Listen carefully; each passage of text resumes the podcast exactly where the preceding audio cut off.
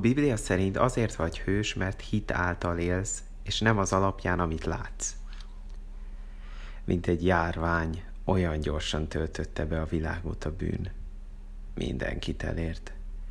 És Isten nagyon szomorú volt emiatt. Isten ekkor azt mondta Noénak, az egyetlen igaz embernek, hogy egy óriási özönvíz következik majd, ami megtisztítja a földet, és ő neki kell majd újraépítenie azt. A családjával együtt egy óriási hajóban, egy bárkában fogják ezt a katasztrófát átvészelni. Noé valószínűleg kicsit zavarba jött. Özönvíz? Bárka? Újraépíteni? Mit jelentenek ezek? Végül is az özönvíz az első alkalom, amikor esőről van szó a Bibliában. Noé száz százalék, hogy nem látott özönvizet vagy bárkát korábban. De ha ez nem lenne elég, Noénak egy elég bonyolult szerkezetet kell megépítenie, mindenfajta hasonló tapasztalat nélkül. A bárka hosszabb volt, mint egy focipálya, és négy emelet magasságú volt.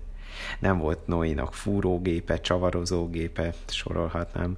Ahogy az emberek elmentek mellette, valószínűleg ezt mondták, Noé, te őrült vagy.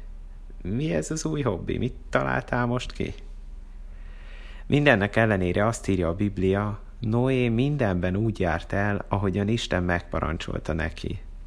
Nem az alapján élt, amit látott, hanem az alapján, amit hitt. Az emberi látás csodálatos dolog. A szemünk elképesztő módon gyűjti be az információt. Beérkezik a szemedbe a fény, ami átalakul információval, eljut az agyadba, majd az agyad ez alapján megmozgatja az izmaidat, és már meg is védted magad egy feléd repülő tárgytól ösztönösen. Elég nehéz úgy tenni dolgokat, úgy hinni, hogy nem használod a szemed hozzá, hogy a látásodat kizárod. Isten mégis sokszor kéri ezt tőlünk. Vagyis ez a hit. Adott nekünk látást, ami majd máskor nagyon hasznos lesz, de van egy helyzet, amikor hinni kell, és nem látni. Amikor Isten elmondta Noénak, hogy mit kell tennie, és hogy mi következik, Noé ebből még nem látott semmit.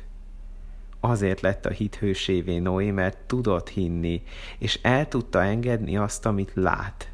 Figyelmen kívül tudta hagyni azt, hogy nem látható dolgokról van szó, és oda tudott figyelni a nem látható dolgokra arra, amit Isten mond, és arra, hogy milyen Isten.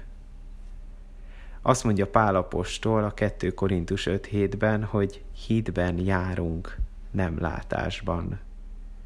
Hiszen mindannyiunk életére igaz ez. Nekünk is van egy világunk, nekünk is van egy környezetünk, lehet, hogy nekünk is van özönvízünk, nekünk is van feladatunk, nekünk is szól Isten. Egy kis feladat a végére. Írd le valahova, hogy mi az, amit ma nem látsz. De Isten szerint az lesz a jövő. Mi az, aminek még pont az ellenkezőjét látod, és őrültségnek tűnik az, amit hinned kéne. Mi az, amit ma csak hinni tudsz, de nem látni.